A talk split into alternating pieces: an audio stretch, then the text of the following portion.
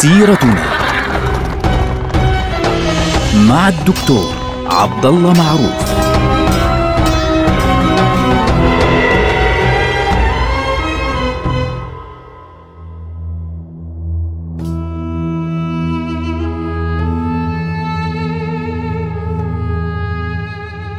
السلام عليكم ورحمة الله وبركاته. سيرتنا سيرة هذه الأمة العظيمة ونحن الآن في عهد الدولة العثمانية. نحن عشنا في حلقات ماضية مع السلطان يوز سليم اللي هو أول خلفاء الدولة العثمانية. أول سلطان من سلاطين الدولة العثمانية تمكن من أن يوحد بلاد الشام والعراق والجزيرة الحجاز مع آه، منطقة الأناضول ومناطق شرق أوروبا في دولة واحدة دولة كبرى هي الدولة العثمانية وبالتالي استحق لقب أول الخلفاء يعني أخذ لقب الخلافة عندما تنازل له آخر الخلفاء العباسيين وهو الخليفة محمد الثالث المتوكل على الله. عندما تنازل له عن الخلافة أصبح سليم الخليفة بشكل رسمي وانتقلت دار الخلافة من القاهرة اللي كانت في ذلك الوقت يعني إن صح التعبير دار الخلافة يعني مش دار الخلافة بمعنى الحكم لأن الخليفة لا يحكم في ذلك الوقت الخليفة العباسي أقصد. انتقلت إلى إسطنبول إلى القسطنطينية.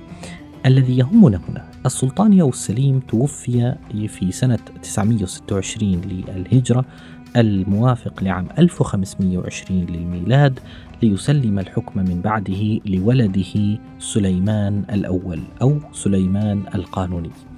السلطان سليمان القانوني مش شخصية عادية يا أخوانا هذا الرجل له عدة ميزات. واحدة من ميزاته أنه أطول الخلفاء والسلاطين العثمانيين حكما على الإطلاق. يعني حكمه بدأ في عام 1520 وانتهى في عام 1566 يعني بنتكلم عن 46 سنة.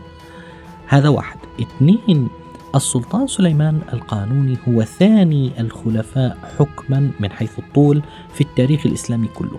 يعني لم يسبقه من ناحية الفترة التي حكم بها من الخلفاء العباسيين والأمويين والراشدين والعثمانيين حتى إلا الخليفة العباسي الناصر لدين الله الذي عاصر آه، السلطان صلاح الدين في فترة الحروب الصليبية وذلك الرجل كان قد حكم 47 عاما.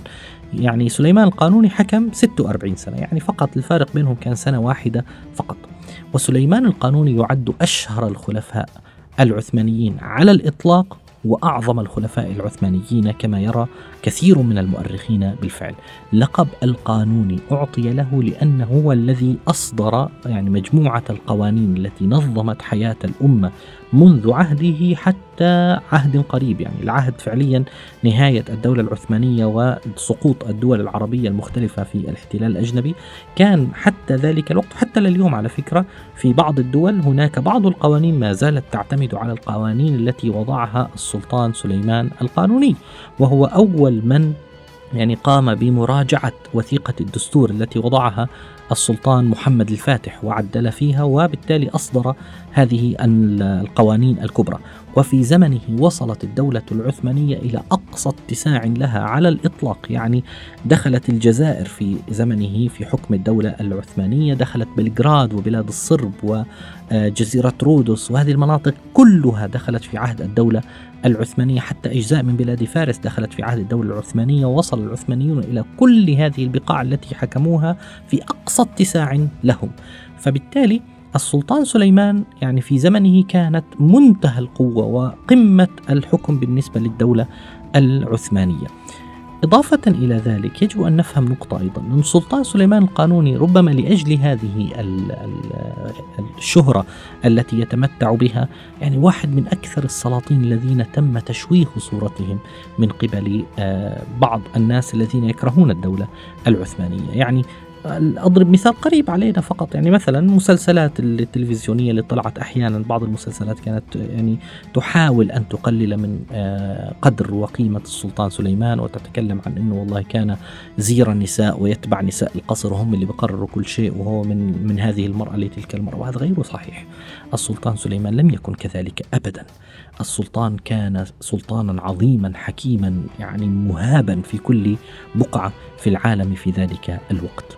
طبعا لما استلم السلطان سليمان القانوني الحكم استلمه شابا. لساته يعني كان شاب وكان قادرا على أن يتحرك بسهولة في هذه المرحلة. اشترك هذا السلطان شخصيا في 13 حملة عسكرية. تخيلوا يعني 13 حملة عسكرية كبرى قادها شخصيا بنفسه. عشرة منها كانوا في أوروبا. يعني اتجه في عمله كله باتجاه أوروبا، هناك ثلاثة في اسيا يعني ظهرت ضد الدول التي كانت يعني تعادي الدولة العثمانية على رأسها طبعا عندنا الدولة الصفوية التي ظهرت مرة أخرى. فالذي يهمني هنا إنه عندي 13 حملة قادها بنفسه. طبعا هذا غير الحملات التي أرسل يعني قادة من قادته الكبار ليقودوها في ذلك الوقت في زمنه.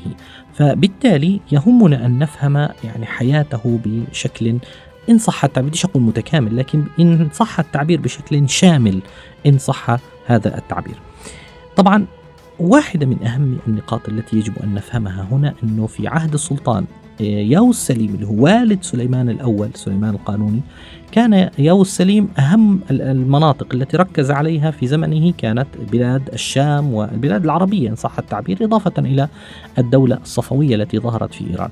لكن سليمان القانوني كثير من المعارك التي خاضها والأحداث الكبرى التي حصلت في زمنه حصلت في أوروبا. يعني رجعت الأحداث في زمنه إلى الفترة السابقة. يعني مثل أيام السلطان محمد الفاتح في أوروبا أغلب الأحداث التي تحصل هناك.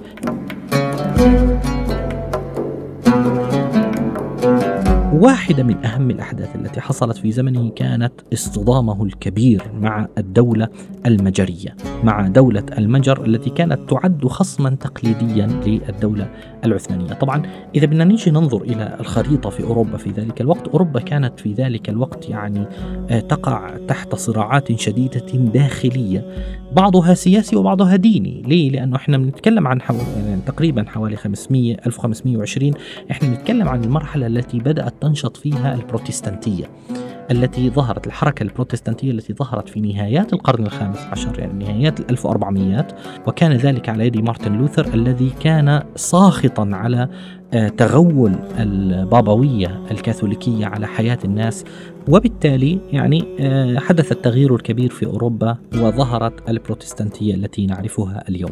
طبعا البروتستانتية اليوم تعتبر من أهم آه، الطوائف المسيحية في العالم وتسيطر على كثير من الدول في العالم الغربي. لكن اللي بيهمني أنه في ذلك الوقت كانت أوروبا يعني بتموج بهذه التغييرات الكبيرة.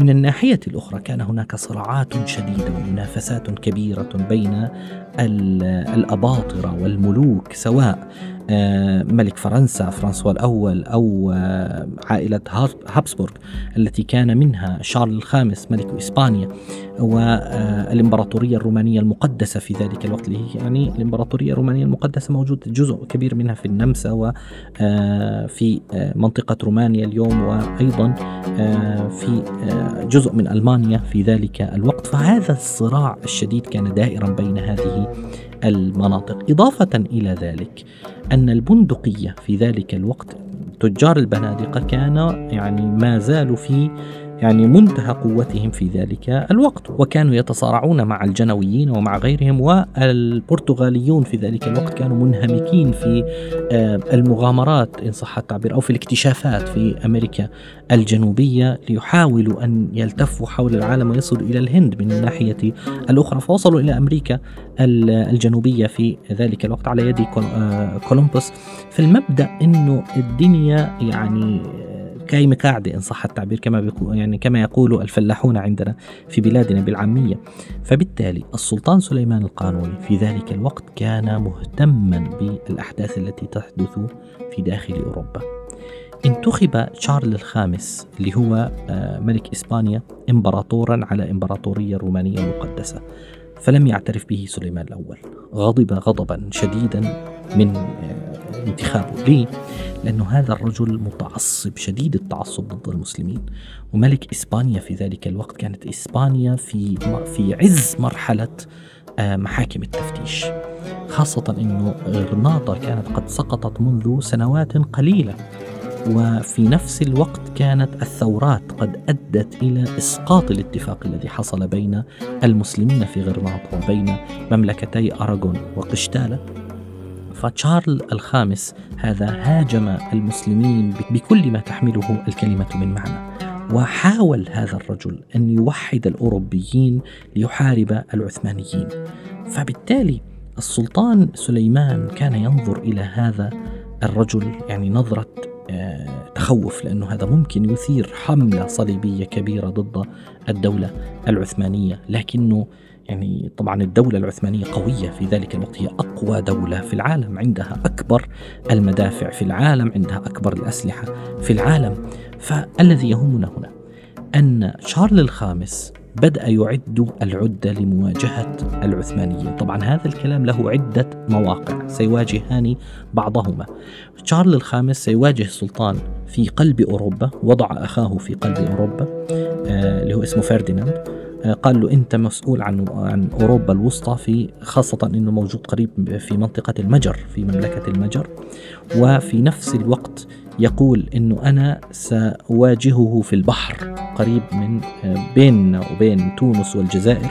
في البحر وهذا الأمر سيؤدي بعد ذلك طبعا إلى فتح الجزائر وإدخالها في الدولة العثمانية إضافة إلى انه شارل الخامس سيواجه الدولة العثمانية من الغرب وهو في إسبانيا عن طريق إمداد أي جهة تعارض الدولة العثمانية. فبالتالي كان السلطان يرى في هذا الرجل خطرا كبيرا جدا ويرى في التحول الذي يحصل ووجود فرديناند أخوه في منطقة المجر يعني خطرا كبيرا جدا. طبعا ملك المجر في ذلك الوقت كان اسمه لويس الثاني. طبعا لويس الثاني هذا رجل يعني يتبع بكل ما تحمل كلمه معنى فرديناند أخوه آه، الملك شارل الخامس وبالتالي فلويس الثاني كان له موقف في غاية البشاعة مع السلطان العثماني سليمان القانوني بمجرد استلام الحكم. طبعا الطريقة أنه لما يستلم الحكم يرسل رسائل إلى الملوك والزعماء وغيره على عادة يعني الدبلوماسيين في ذلك الوقت أنه أنا استلمت الحكم وأنا اعتليت العرش وأصبحت سلطان الدولة العثمانية. أرسل السلطان سليمان القانوني رسالة مثل باقي الملوك إلى ملك المجر لويس الثاني يخبره فيها هذا الرسول أنه نحن نأتيك لنخبرك بأن سلطاننا الجديد هو السلطان آه، سليمان القانوني ونطلب منك دفع الجزية السنوية كالعادة مقابل تجديد الصلح لأنه إحنا في بيننا وبين المجر صلح وبالتالي تدفع الجزية السنوية كالعادة ونجدد الصلح مرة أخرى. فإذا به لويس الثاني يأمر بقتل رسول السلطان سليمان القانوني. هذه أول مواجهة. سيشهدها السلطان سليمان القانوني في أول فترة في حكمه الطويل. مواجهة كبيرة ستفضي إلى فتح عظيم. نلقاكم على خير. والسلام عليكم.